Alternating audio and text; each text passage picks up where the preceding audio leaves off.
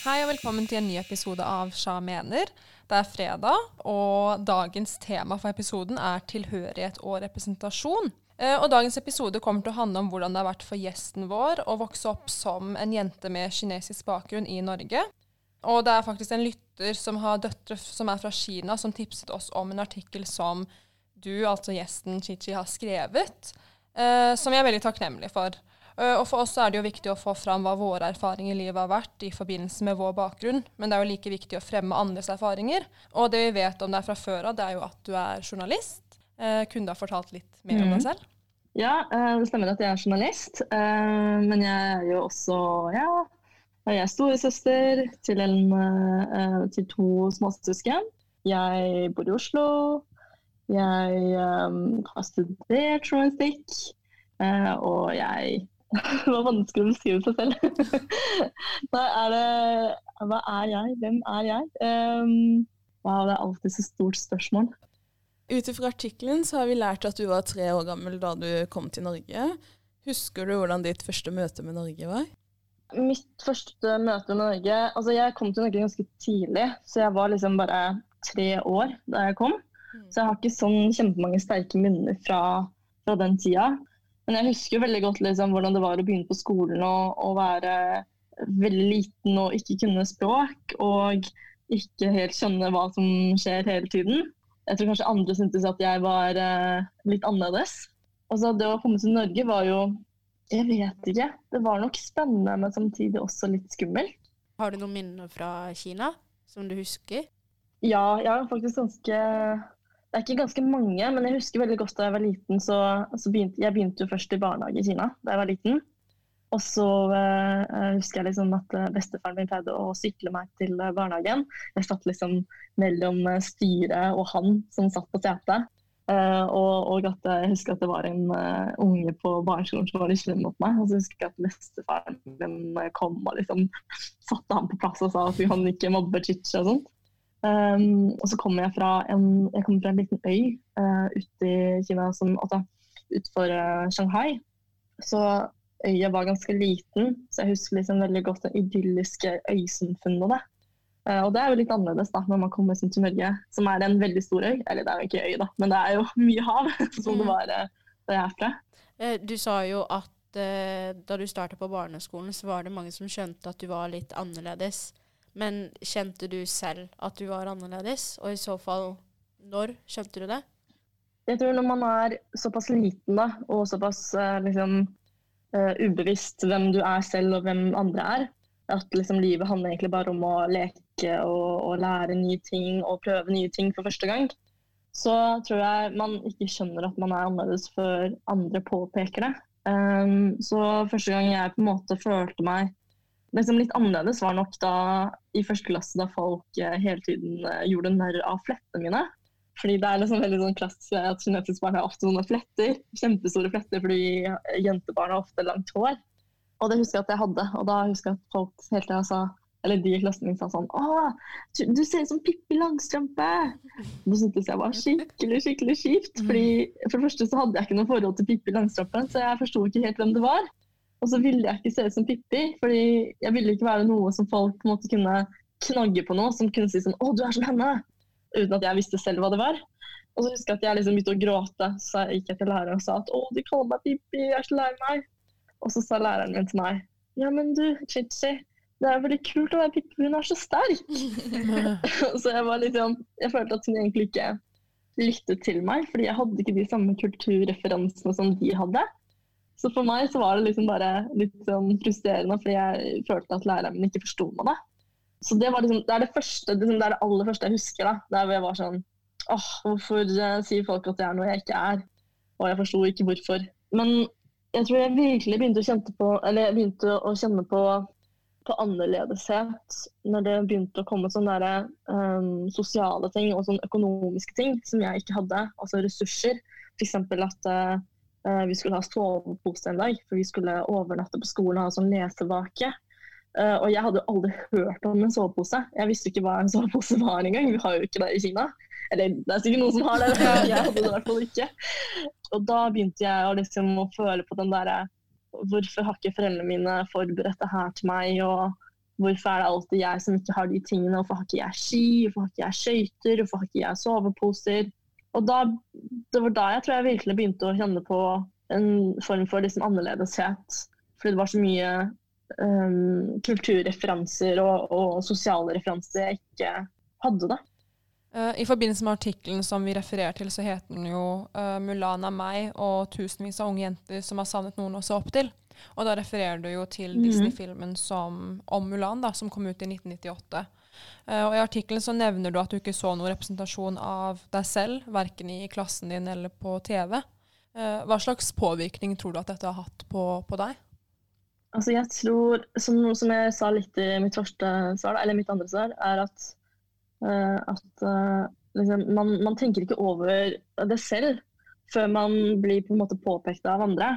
Så da jeg så på TV og så f.eks. en blond jente, da, la oss si det, um, så tenkte ikke jeg å, hun ser ikke ut som meg. Da tenker jeg bare sånn ah, hun er på TV, det er morsomt, og jeg er også en jente og jeg er ung og sånt.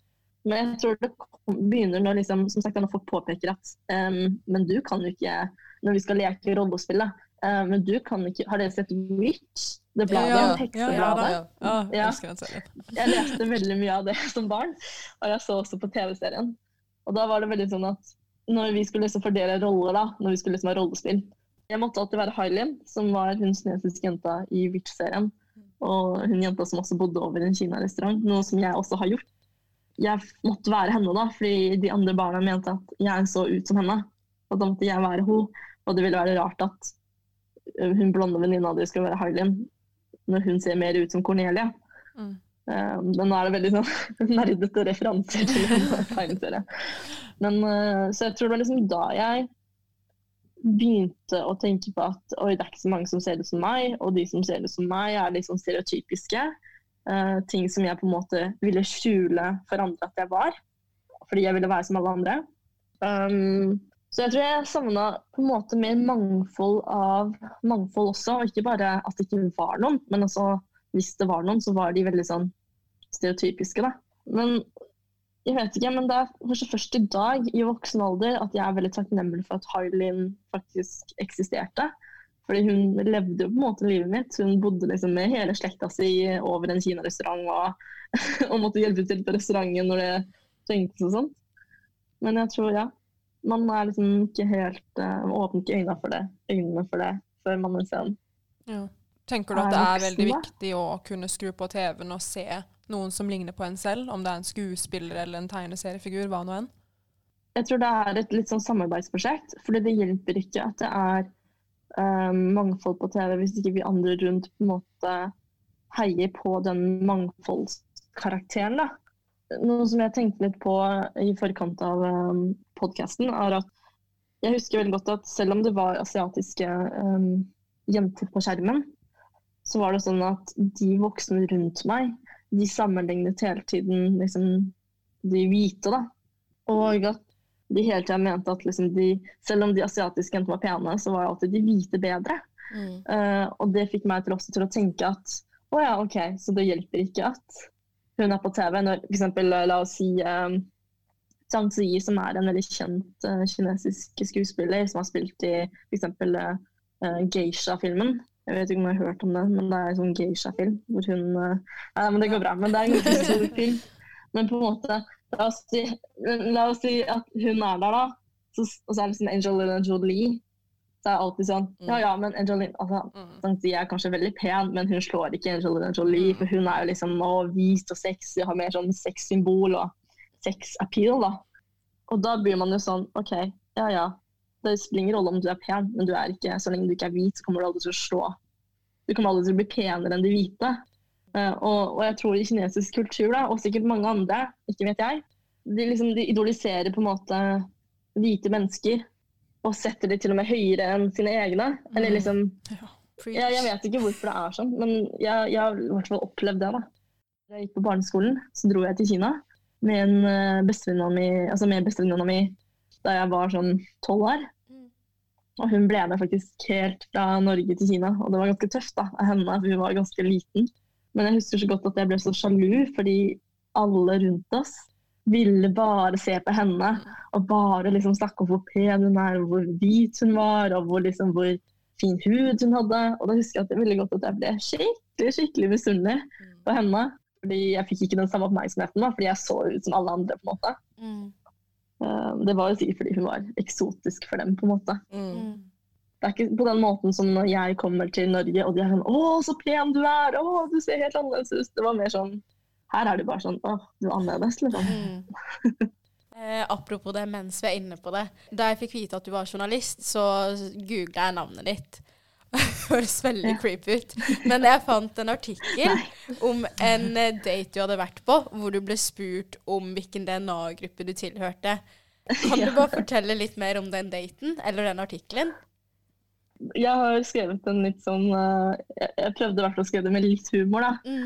En sånn kommentar om, om eh, yellow fever. Og det handler litt om at jeg opplever at veldig mange menn har en sånn merkelig, merkelig bilde av østasiatiske kvinner. At de har liksom et sånn ideal om oss som på en måte ikke stemmer i det hele tatt. Da, og bare, som bare kommer av hvordan eh, vi har blitt eh, frem... eh, altså hvordan vi har blitt det er, liksom, det er filmindustrien som har bygget en sånn uh, stereotypi av oss. Uh, og en gang så var jeg på date, da, og jeg har visst om dette fenomenet veldig lenge, da, men jeg har aldri vært liksom, borti noe veldig ekstremt. Ja, altså, jeg har hatt liksom jeg har tenkt sånn, ah, han, han her var kanskje litt overkant opptatt av hvor jeg er fra, liksom. Mm. Men uh, ingenting som på en måte har uh, skremt meg. Men på denne daten jeg var på, da ble jeg faktisk spurt. Da spurte daten min meg om, om hva slags DNA-gruppe jeg var. Og da ble jeg helt satt ut. Og han spurte det ikke som en sånn derre um, sånn, sånn provoserende Jo, det var provoserende, men man var liksom, det kom liksom Vi spiste mat sammen, og så plutselig så kom det spørsmålet som det skulle vært. uh, hvor mange søsken har du? på en måte. Ja. Og da ble jeg litt satt ut av det.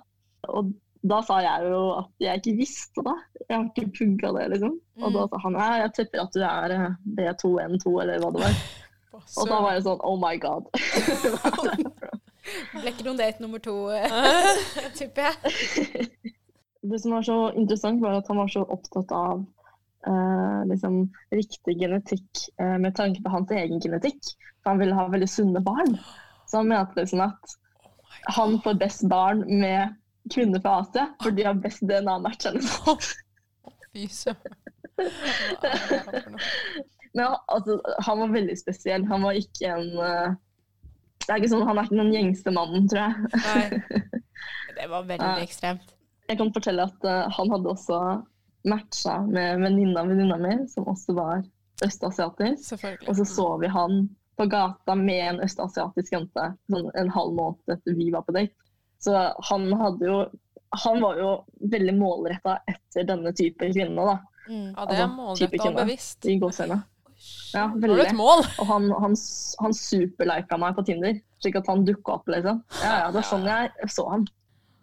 Men det finnes jo folk som går rett ut direkte for å skulle finne en type etnisitet, fordi det er de de vil på en måte, mikse seg sammen med og få barn med. Det finnes jo sånne folk. Mm. Som Jo, vi har Det som er trist, er at sånne historier som det der Tenk hvis han kommer fram, og liksom de historiene kommer frem, da, og dette her blir en vanlig ting å gjøre, liksom. Sånn som når At det blir eh, normalisert. Ja, at det på en måte blir en sånn fetisj-type, skjønner Ja, men du? det er At jo man, det det fetisj. ja, at man blir sammen med en person bare fordi det og det, det liksom. It's not Uh, cool. Nei, nei, er du gal. Det er jeg er klar, faktisk. Ja. Men ja, uansett. Um, For å ro litt tilbake innover.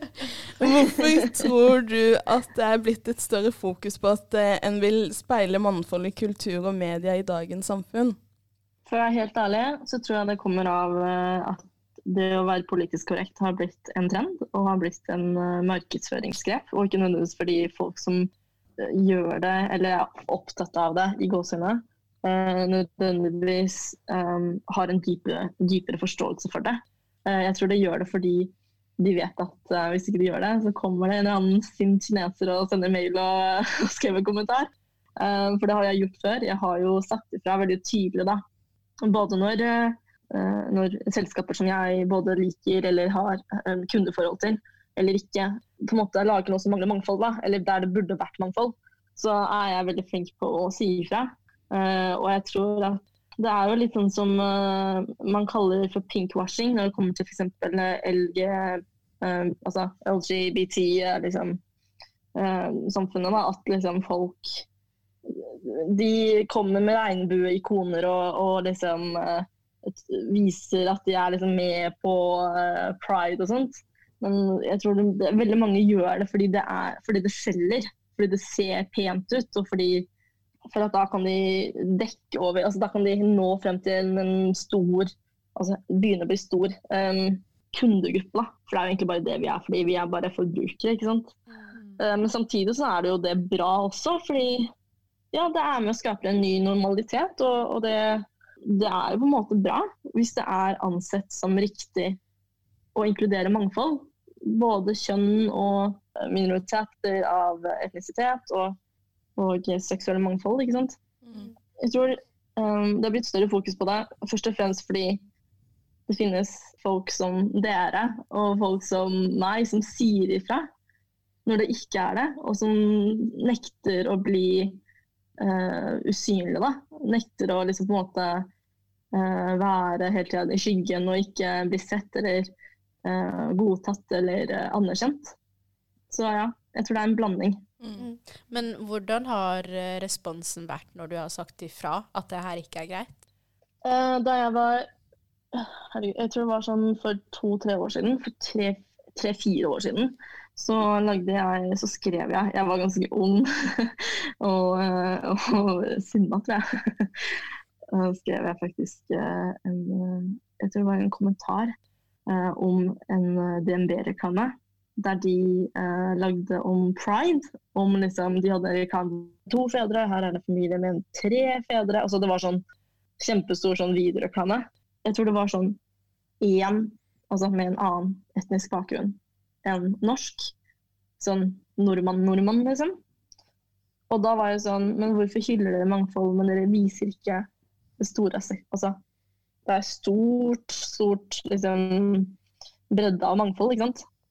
Og da skrev jeg om at uh, eh, DNB på en måte hele tiden hyllet uh, den A4-familien, og at selv, er, selv, om de er skeive, så var det på en måte A4-familien. Det var liksom kjernefamilien med norsk mor, norsk far, norske barn. De var blonde, de sto på ski, de hadde på seg Marius-genser. ikke sant? Og da, da, jeg skrev den, og det kom på trykk i Dagbladet, så fikk jeg faktisk en mail fra kommunikasjonsdirektøren i DNB eller noe sånt. Der han skrev sånn takk for at du sa ifra, og vi er enige at det var lite mangfold her. Eh, og det skal vi eh, sørge for eh, vi skal gjøre noe med neste gang. Så akkurat der så følte jeg at DNB på en måte lytta til meg. Mm. Men, men, det kan jo også være at liksom, det ble trykket i en veldig stor avis, og uh, det ble en skikkelig stor sak, og jeg ble intervjua til radioen, og det var litt sånn jeg tror de hadde tapt veldig mye omdømme hvis de ikke hadde mm. sagt ifra, og hvis de fortsatte med det.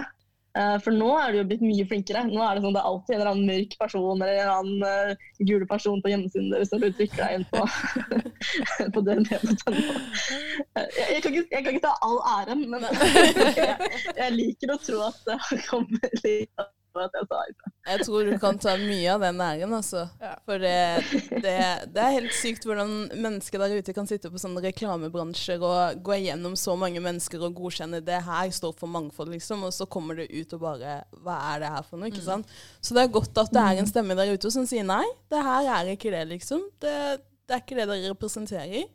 Så takk for den. Mm. Virkelig. I artikkelen du skrev, så nevner du at uh, Mulan må reise vekk og tilpasse seg et nytt liv i et nytt miljø. Og da, nå siterer jeg det du har skrevet. Du skriver i mm. legenden må Mulan reise langt av gårde for å beskytte familien sin. Hun må ofre og tilpasse seg et nytt liv i et nytt miljø. For å overkomme kulturforskjeller må hun være tøffere enn alle andre. Hun må tilegne seg nye kunnskaper og erfaringer. Hun må tilpasse seg et nytt språk, kroppsspråk og utseende. På veien mister hun kanskje en bit av seg selv, ikke ulikt det å flytte til Norge i en alder av tre år. Hva er det du tenker er det mest utfordrende med å ha minoritetsbakgrunn her i Norge? Jeg skrev jo den, det avsnittet fordi um, jeg, jeg, så veldig mange paralleller i det å, liksom, å flytte hit som, som, barn og som Mulan og liksom, å reise langt og måtte kjempe for å gjenvinne æren. ikke sant? Og jeg tror det er ganske mye likt, da, fordi i veldig mange eh, asiatiske familier, kan jeg i hvert fall snakke for det, så er liksom det å altså, det å flytte så langt er et familieprosjekt. Det er forskning som viser at um, altså, Det er bevist da, at det er veldig mye press på barna. At de skal gjøre det bra. At de skal liksom gjøre det såpass bra at det var verdt å flytte. Mm. At det var verdt for foreldrene å liksom ofre alt. Ofre venner, ofte familie. Du vet, alt som er kjent og nært. Språk, nettverk. Eh, og liksom å komme til, til dette fremmede landet som er liksom Ingen kjenner deg, du kjenner ingen. ikke sant? Det er et familieprosjekt. Og for oss, da, andre generasjon eller tredje generasjon, så er det veldig viktig at vi får det til. Slik at mamma og pappa kan bli stolte og si at yes, ja, vi ofra alt. Vi eh, liksom starta med scratch. Altså, vi starta på scratch. Vi har vært renholdere. Vi har jobbet ræva av oss i restaurantbransjen, i renholdsbransjen, i liksom alt som man anser som er liksom lavstatusyrke. ikke sant? Og det kanskje foreldrene glemmer litt, da, det mamma og pappaen min hvert glemte litt, er at vi er jo barn. Vi har jo ikke sagt ja til å være med på dette prosjektet, men vi må. Og så er vi så flinke, da. Vi er veldig flinke, vi spesielt. Jeg vil tippe litt jenta. Men sikkert mange, mange gutter også. Garantert. Det er at vi, vi skjønner at OK, mamma og pappa har ofret alt, og vi er bare nødt til å gjøre det bra. Mm. Fordi hvis ikke så Altså, vi, må se på fjesene til foreldrene våre og vite at hva vi, og vi merit, på en måte. Og det er jo enormt press, ikke sant. Uh, og du vil jo også gjøre det mye bedre enn alle andre samtidig, fordi du skal bli lege og du skal bli advokat. ikke sant? Og det ser jeg liksom litt Mulan, for Mulan må også liksom gjenreise den æren. da, ikke sant? Hun må liksom tilpasse seg det nye livet i det fremmede stedet. Hun må liksom, hun må faktisk skifte kjønn, hun må bli mann. Hun må liksom lære seg hvordan det er å være mann. Vi som er uh, første generasjon, eller vi er faktisk første generasjon. Um, man må liksom tilpasse seg det nye livet her. Man må lære seg et nytt språk. Og ikke bare det, men du må lære foreldrene dine det nye språket. fordi de, de har jo ikke skolen som vi har. ikke sant?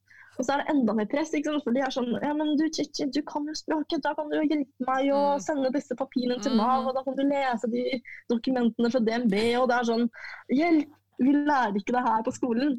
Men det, det bryr jo ikke foreldrene dine seg om. De er sånn ja, så lenge du kan språket, så kan du jo bare så altså, før jeg, altså, by the time jeg var liksom 15 år, så var jeg søren meg ekspert på liksom, sånn der, husholdning 101. Jeg kunne jo alt mulig. ikke sant? Men samtidig så skjønte ikke du liksom bæret av halvparten av det du drev med, fordi du er bare 15 år. Um, og det er det jeg liksom drar litt paralleller til. da, liksom på en måte uh, Mulan må gjennom det, og jeg må gjennom det.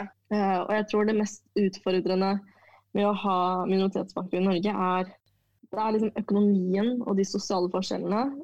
Fordi det å liksom ikke ha ressurser og ikke ha kunnskap. Jeg husker at Da jeg begynte på videregående, så visste jeg om Lånekassen. Jeg visste ikke om at jeg kunne få penger for å studere, fordi foreldrene mine ikke tjente mye. Jeg visste ikke om at, uh, at det var uh, sånn at hvis du hadde realfag, så fikk du poeng for det. Og, altså, jeg, jeg, visste ikke sånne ting da, i det hele tatt.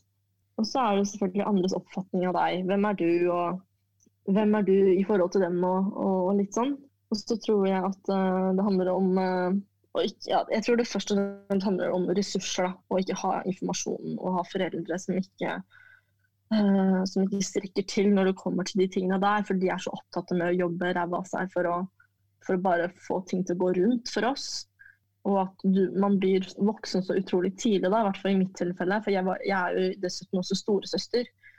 Og, og det var bare Det var veldig mye for meg da jeg vokste opp. da, At jeg ble voksen veldig fort. og, og men det òg er jo Herregud, jeg har jo vunnet masse på det. Jeg, jeg har jo på en måte Jeg tok skikkelig ansvar. Jeg tok videreutdanning. Jeg har fått fast jobb.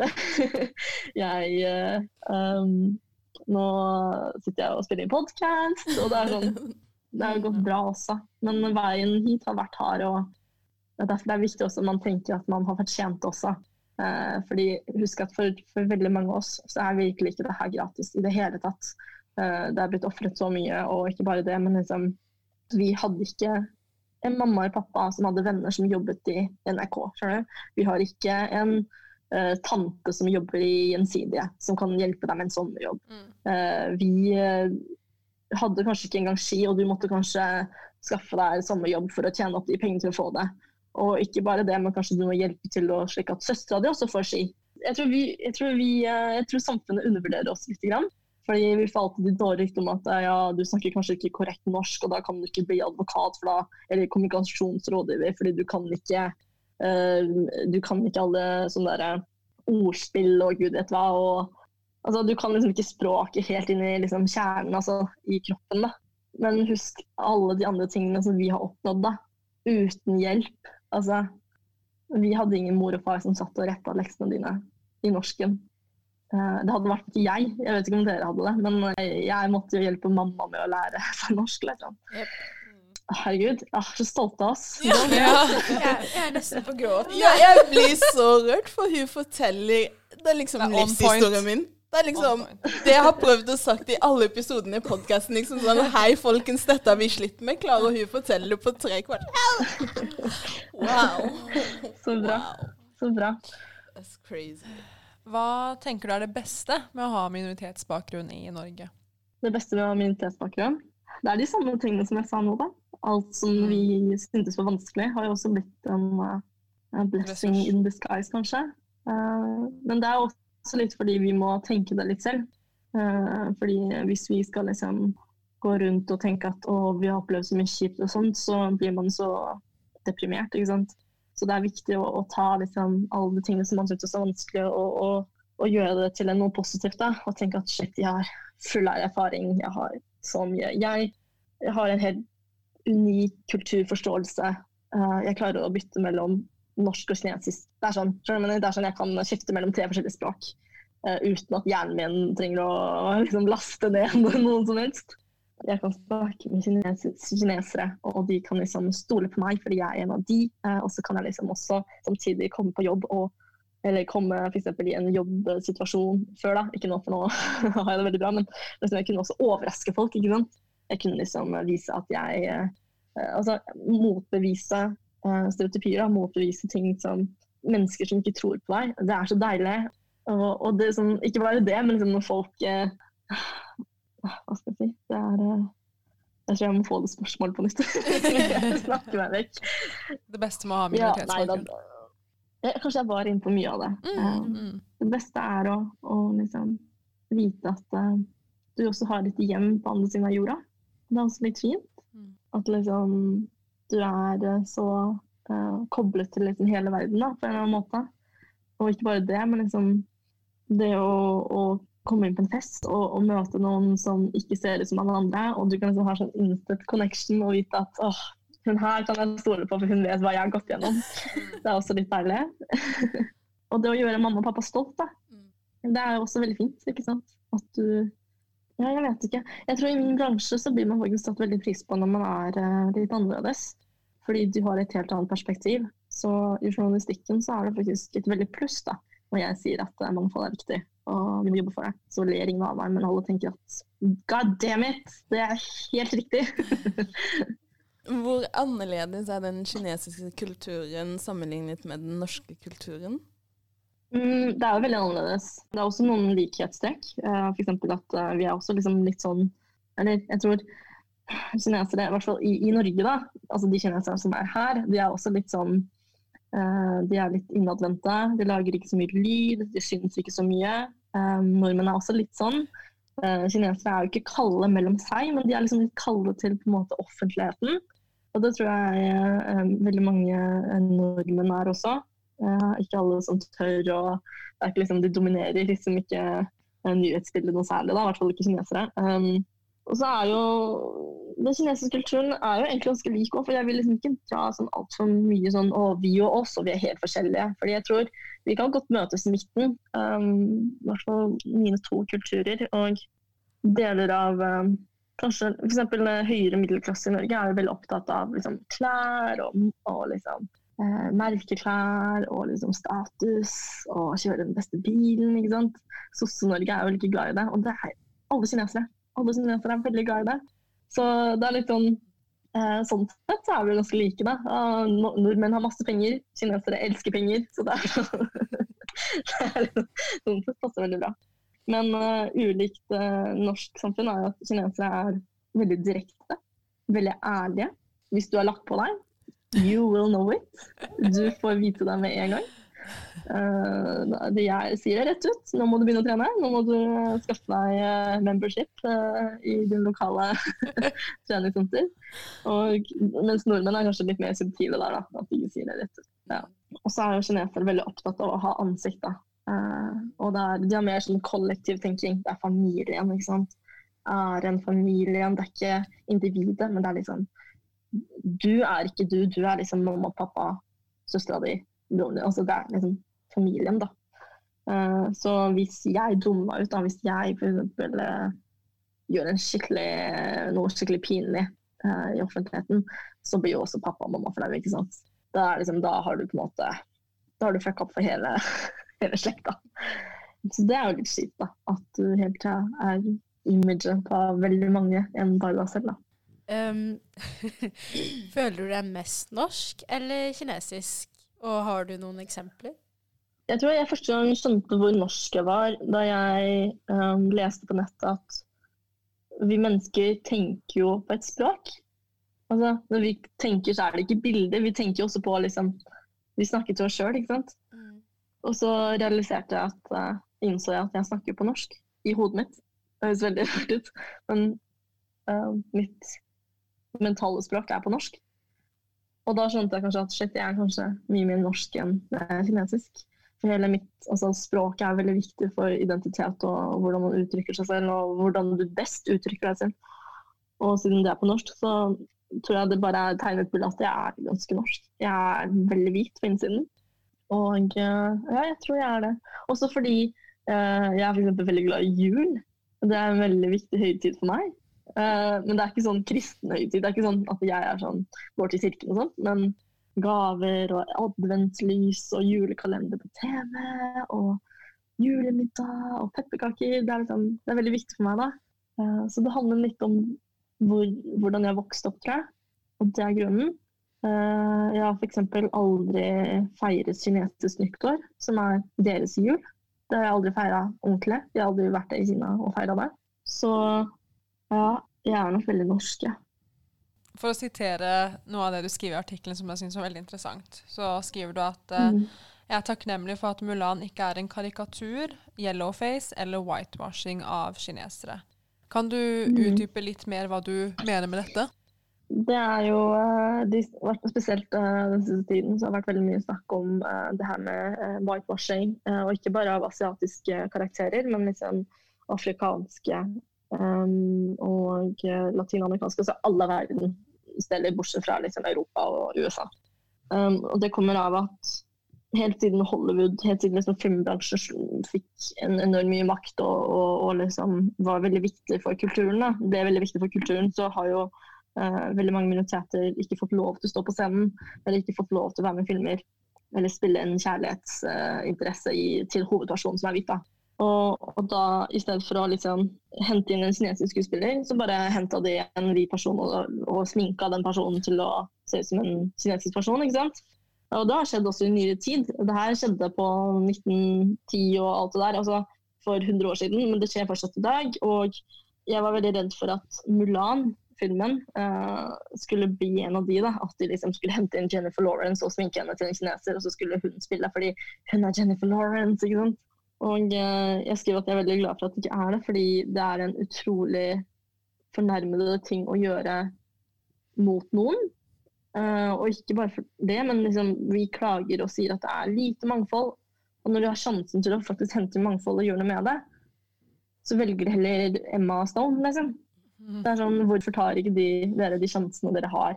Det viser bare hvor mye makt på en måte den hvite majoriteten har da, i filmbransjen. Jeg har sett traileren på Mulan. Jeg er sikker på at dere kanskje også har gjort det. Og det å se en faktisk kinesisk skuespiller betydde veldig mye for meg. Fordi hun, For det første så, så hun ut som meg, og så visste jeg at når hun går inn i den rollen, så har hun også noe å si med sin historie og sin, sine erfaringer og ja, sin historie. da. Uh, og da vet jeg at Mulan-rollen vil bli tatt godt vare på. ikke sant? Også når jeg sitter her og blir intervjua, så kan jeg fortelle fra mine faktiske opplevelser enn at dere henter igjen en forsker som er hvit, som forteller noe om mm. det jeg kan ha opplevd. på en måte. Og derfor er det viktig. Uh, har dere sett film, uh, ikke filmen, men serien Hollywood? Uh, no. Jeg har ikke det. Den går på Netflix. Okay. Nei, jeg har ikke det. Nei, Den vil jeg absolutt anbefale. Det handler okay. om uh, den, Jeg anbefaler den veldig mye, fordi den viser på en måte hvordan begynnelsen på Hollywood uh, var, og hvordan det var for de få minoritetsskuespillerne. Uh, hvordan det var for de å jobbe i den, i den bransjen. da. og blant annet vil jeg gjerne name-droppe en skuespiller som heter Anna May Wong, som var den første store Hollywood-skuespilleren av asiatisk bakgrunn, østasiatisk. Og hun møtte så mye motgang. Hun var sånn, hun ville ikke spille stereotypien, stereotypien av liksom Asian lady. da. Og hun kjempet veldig hardt for å ikke få det, men hver gang så ble hun på en måte rejected. Og til slutt så, um, så på en måte måtte hun liksom flytte i det hele tatt få noen hovedroller som på en måte tilfredsstilte liksom, de kravene hun hadde, som var helt legitime. på en måte. Hun flytta til Europa, og der fikk hun faktisk uh, sjansen. Men i USA så nekta de henne liksom hun måtte alltid spille liksom, skurken. Liksom, hun uh, sexy Asian skurk med sånn der, veldig sånn seksuell undertone. Uh, og det viser jo bare hvor mye kjipt veldig mange minoritetsskuespillere måtte ha gått gjennom. At du må spille au pair, du må spille prostituerte. For det er det, det, er det liksom veldig mange uh, forbinder med dem. og det skjer jo fortsatt i dag. Um, og Derfor er jeg også veldig glad da, for at Mulan ikke er en sånn rolle. Da, og at Mulan eh, faktisk er en independent, strong woman som gjør det hun vil. Du vokste opp som den eneste kinesiske jenta i bygda, stemmer det? Eh, har du eventuelt opplevd rasisme eller negativ sosial kontroll? Ja, jeg vokste opp uh, som en av de veldig få uh, minoritetsbarna da jeg er fra. Jeg er oppvokst på et veldig lite sted som heter Flisa i Hedmark. Det var faktisk en annen asiatisk jente der jeg bodde, men hun var adoptert. Men det kunne også skje at folk trodde at jeg var henne. Fordi vi ser ikke like ut faktisk i det hele tatt, men folk trodde fortsatt at jeg var henne. Fordi det var bare to av oss, da. Og da var det sånn Å, da må du være henne, eller hun må være deg. um, når det kommer til uh, rasisme, det har jeg nok definitivt opplevd. Men uh, jeg da tror jeg det er mer sånn subtile ting. Det var ingen sånn å, vi må jage hun kinesiske jenta ut av bygda, liksom. Det var ikke det. Men det var mer sånn at uh, folk hadde fordommer. Um, og jeg kan ikke komme på noe konkret akkurat nå. Jeg, jeg vet nok at jeg vokste opp med, med å måtte trenge liksom å uh, gjøre meg mer norsk enn det jeg egentlig kanskje er. da.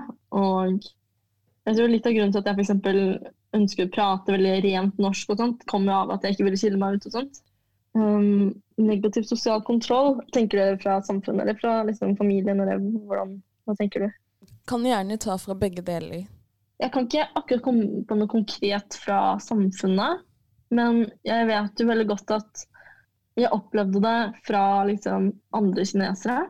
Fordi da jeg var veldig liten, så uh, tok jeg et valg som var veldig upopulært uh, i familien min og blant kinesere. Jeg tok et sånn uh, det var et type valg som på en måte um, hadde vært fullstendig akseptabelt i det norske samfunnet, men som er veldig tabu i det kinesiske.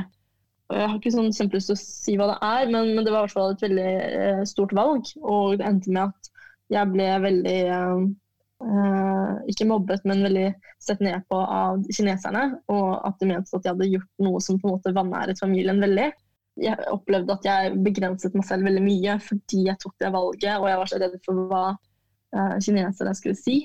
Mens jeg vet at hvis jeg hadde vokst opp i en norsk familie og jeg hadde gjort det valget, så hadde jeg nesten nærmest blitt hylla, liksom. Uh, så det har jeg opplevd da, som barn. å være på en måte Og da følte jeg meg veldig ensom òg, fordi jeg kunne ikke stole på uh, liksom, verden ute, og så kunne jeg ikke stole på verden inne. Så det var jo veldig vanskelig, da. Um, så det er kanskje den eneste type form for sosial kontroll, kanskje, jeg har opplevd.